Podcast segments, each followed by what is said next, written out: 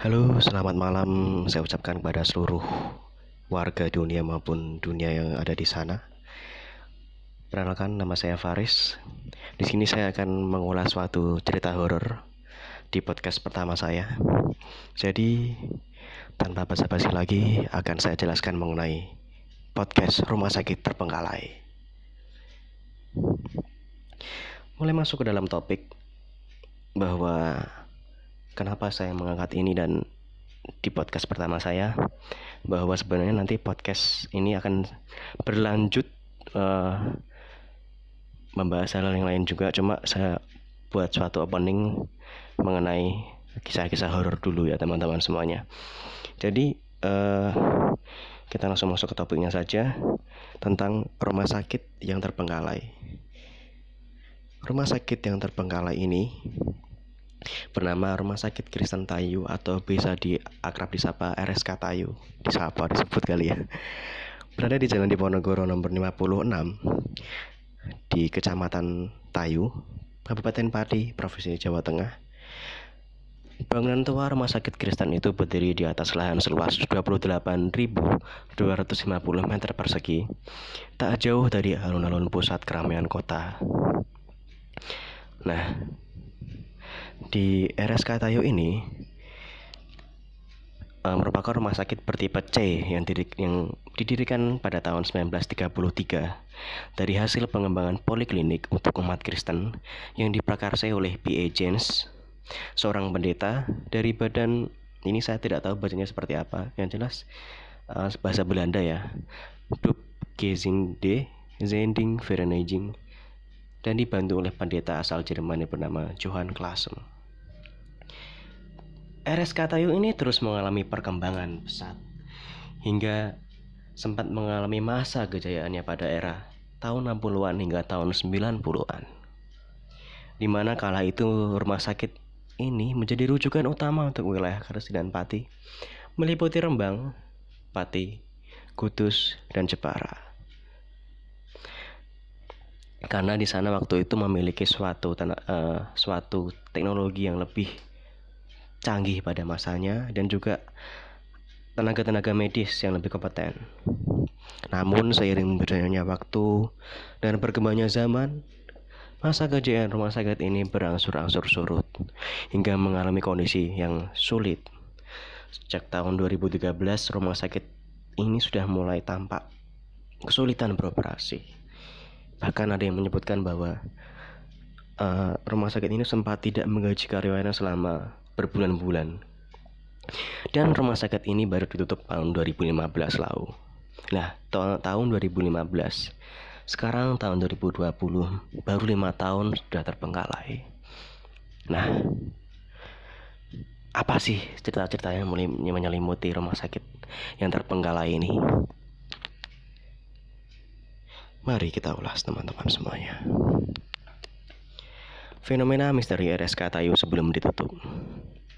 Meski baru beberapa tahun saja ditutup, kesan angker sebenarnya sudah melekat di bangunan tua peninggalan zaman company ini.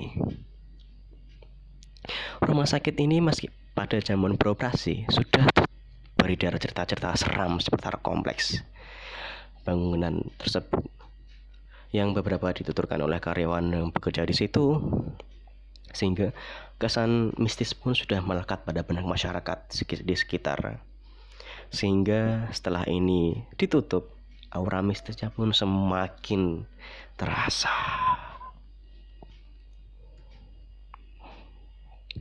nah kita masuk kepada apa-apa saja yang dapat saya ceritakan mengenai penggalan-penggalan cerita yang ada di RSK Tayu ini. Mari kita ulas teman-teman semuanya. Yang pertama di rumah sakit Kristen Tayo ini di bagian belakang kompleks bangunan tersebut dekat dengan lokasi kamar mayat terdapat sumur yang tampilannya sudah jadul dan angker Fenomena misterius di seputaran sumur tua ini sering membuat spot jantung para karyawan yang sedang bernasib apes dan kabarnya pasti segera viral setelah tak lama kejadian tersebut. Kisah yang legendaris adalah tentang sepeda motor yang kebetulan parkir di dekat sumur tersebut tiba-tiba menyala sendiri dan berputar-putar mengelilingi sumur tanpa pengendara. Waduh, ini sudah membuat saya merinding sebenarnya teman-teman semuanya.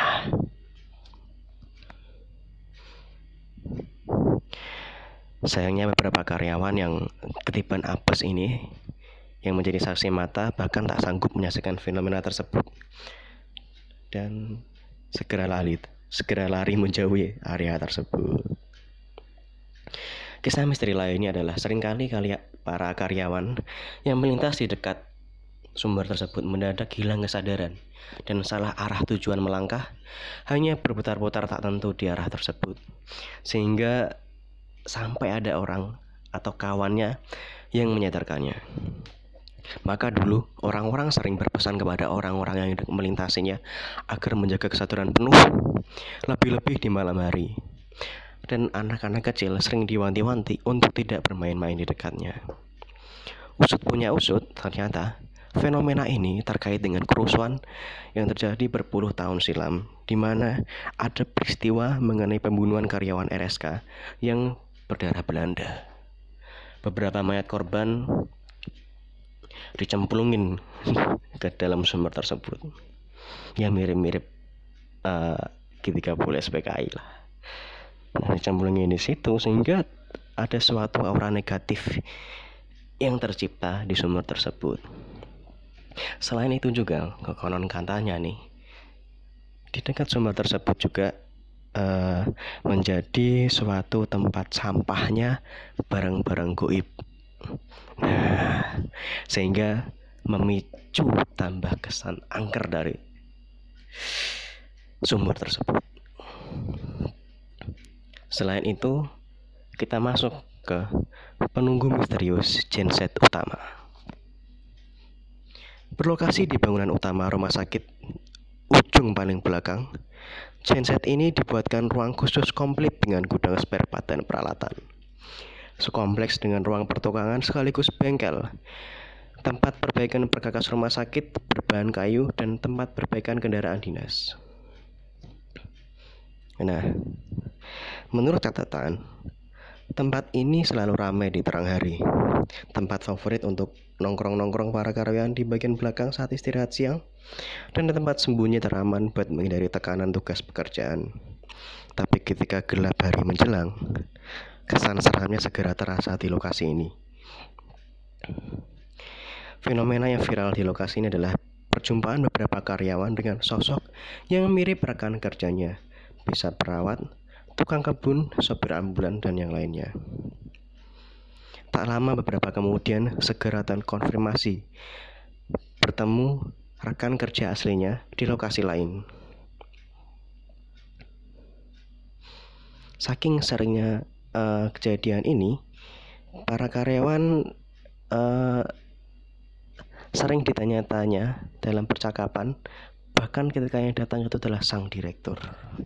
Wow, jadi nih direktur lo nih, ketika direktur tuh ngomong nah dipastiin dulu. Kali kali aja si dominnya nyamar jadi direktur tuh. Dapat saham gak tuh? Usut punya usut di lokasi tersebut. Ada beberapa yang menyebutkan memang sengaja ditaruh makhluk astral di sana yaitu yang menaruh oleh pihak manajemen sendiri dari sejak genset itu diadakan dan dibuat dan dibuatkan ruang khusus dengan alasan ya faktor ekonomi lah bisa saya sebutkan yaitu untuk menjaga genset dari pencurian atau sabotase dari tangan yang jahil. Ya namanya juga mesin pada saat itu kan kalau ada trouble yang menyangkutnya sudah dipastikan bahwa pasti anggaran pengeluaran akan membengkak. Jadi ya gimana lagi ada suatu alasan tersendiri terutama dalam faktor ekonomi ya Nah, kata mantan karyawan operator genset tersebut, sosoknya tinggi besar, jauh di atas rata-rata ukuran orang. Tubuhnya hitam legam berbulu lebat. Ciri khasnya saat menampakkan wujud aslinya adalah mata yang memancarkan sorot merah. selanjutnya ada fenomena kamar mayat kamar mayat nih ya kan ya di mana pun tempatnya rumah sakit mana pun pasti ada gudang misteri dan cerita-cerita horor mengenai uh, kamar mayat tersebut karena dari kamar mayat ini apalagi sebelum kemerdekaan pada tahun 1933 masih ada korban perang, kasus kriminal, lalu lintas dan sebagainya. Di sini boleh dibilang uh, pengalamannya seragam lah ya. Mulai dari penampakan arwah, ada yang ditemui secara langsung melalui mimpi ataupun ada yang dengar reka adegan minta tolong dan atau yang bercerita tentang proses kematiannya, berpamitan atau bahkan sekedar menyapa senyum kaku di dengan senyum kaku di balik wajah pucatnya. Ya tipikal-tipikal di film-film horor begitulah. Ah, sudah saya merinding teman-teman semuanya. Selanjutnya ada pagar tembok gaib. Titik lokasi tepatnya yang jelas ada di kompleks bangunan RSK dengan kampung yang dekat dengan kampung sebelah di sisi sebelah utara, dari pertengahan hingga paling belakang. Narasumber cerita adalah seorang warga kampung yang biasanya kerap melihat fenomena misteri, yaitu munculnya gadis Belanda yang secara tiba-tiba uh, dia nih si gadis lengkap dengan busana tempo dulu Berlarian menembus tembok pembatas tersebut menuju kampung desa sebelah, tampak sedang bermain kejar-kejaran atau petak umpet dengan tawa yang riang. Dengan sekejap, push, lalu menghilang. Saking seringnya nih fenomena tersebut, teman uh, warga desa pun sudah tidak lagi menanggapnya sebagai misteri. Bayangin tuh, saking seringnya ada penampakan jadi udah biasa lagi tuh. Wow.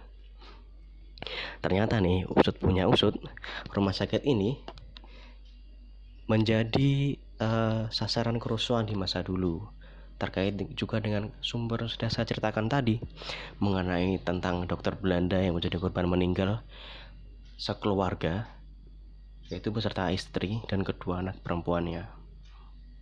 Jadi ada suatu tekanan-tekanan negatif yang menyerupai uh, menyerupai orang-orang Belanda tersebut. Ada lagi nih mengenai lapangan tenis suci tapi lapangan tenis yang sunyi tapi heboh. Wow. Di kompleks RSK paling pojok belakang, sebelah barat perumahan dinas dokter yang bereksen elit tempo dulu. Untuk mencapai lokasi ini disediakan jalan khusus yaitu kendaraan keluar masuk kompleks rumah sakit hanya selebar satu mobil. Ada pintu gerbang lengkap dengan pos penjagaan yang posisinya agak menjorok ke dalam setelah menyusuri jalan sejauh 300 meter. Lapangan ini dibuka untuk umum dengan membayar iuran keanggotaan, sedang khusus karyawan RSK berlaku gratis. Lapangan bebas dipakai kapan saja, mulai pagi sampai malam, dengan sedikit negosiasi dengan satpam penjaga gerbang. Beberapa narasumber mengisahkan tentang terdengarnya suara bola yang dipukul uh, dipukul apa raket atau memantul di lantai seperti sedang dipakai lapangannya. Tapi setelah didekati, push, ternyata sepi, sunyi, senyap, dan tidak ada seorang pun tampak di sana. Wow.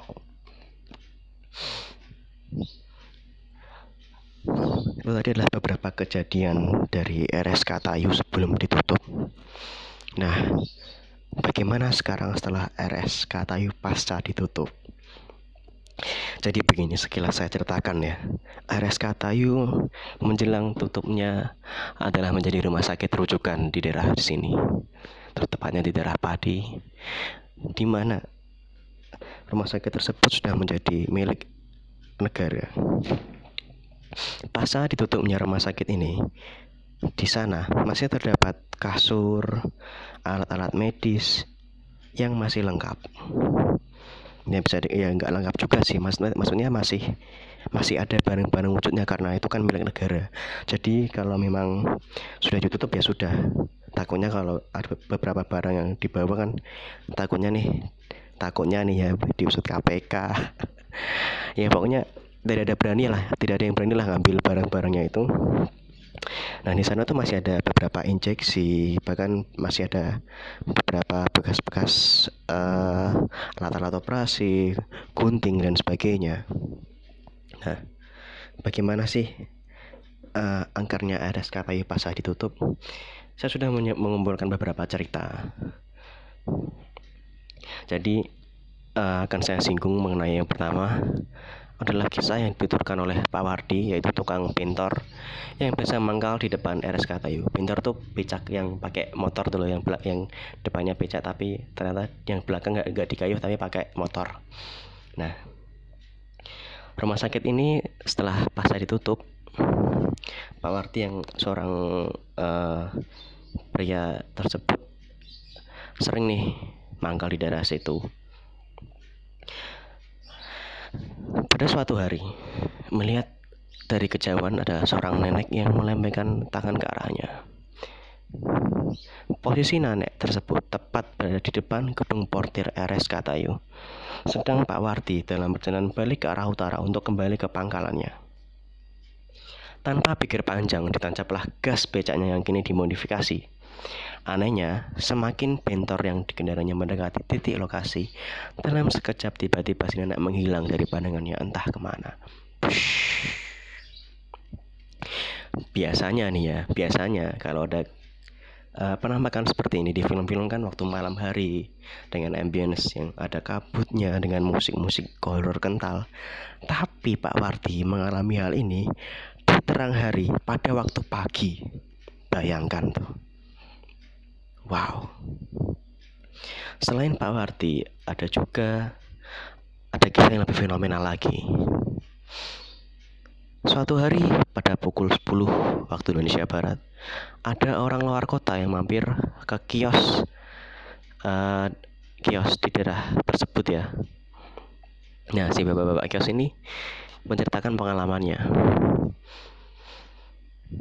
Awalnya ada seorang yang datang celengak-celenguk kebingungan di sana.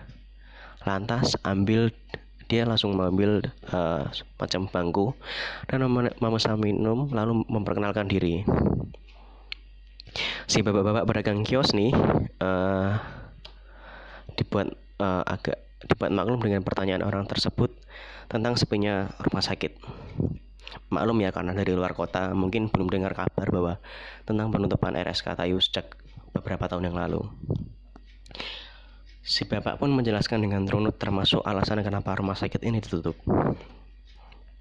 Tanpa diduga nih, orang asing itu yang beberapa sumber menyebutkan bahwa orang asing ini ternyata dari orang kudus tam, uh, dengan tampang yang memucat ketakutan uh, malah ngeyel tuh. Diminumnya dulu hidangan yang tersuguh dan menenangkan diri.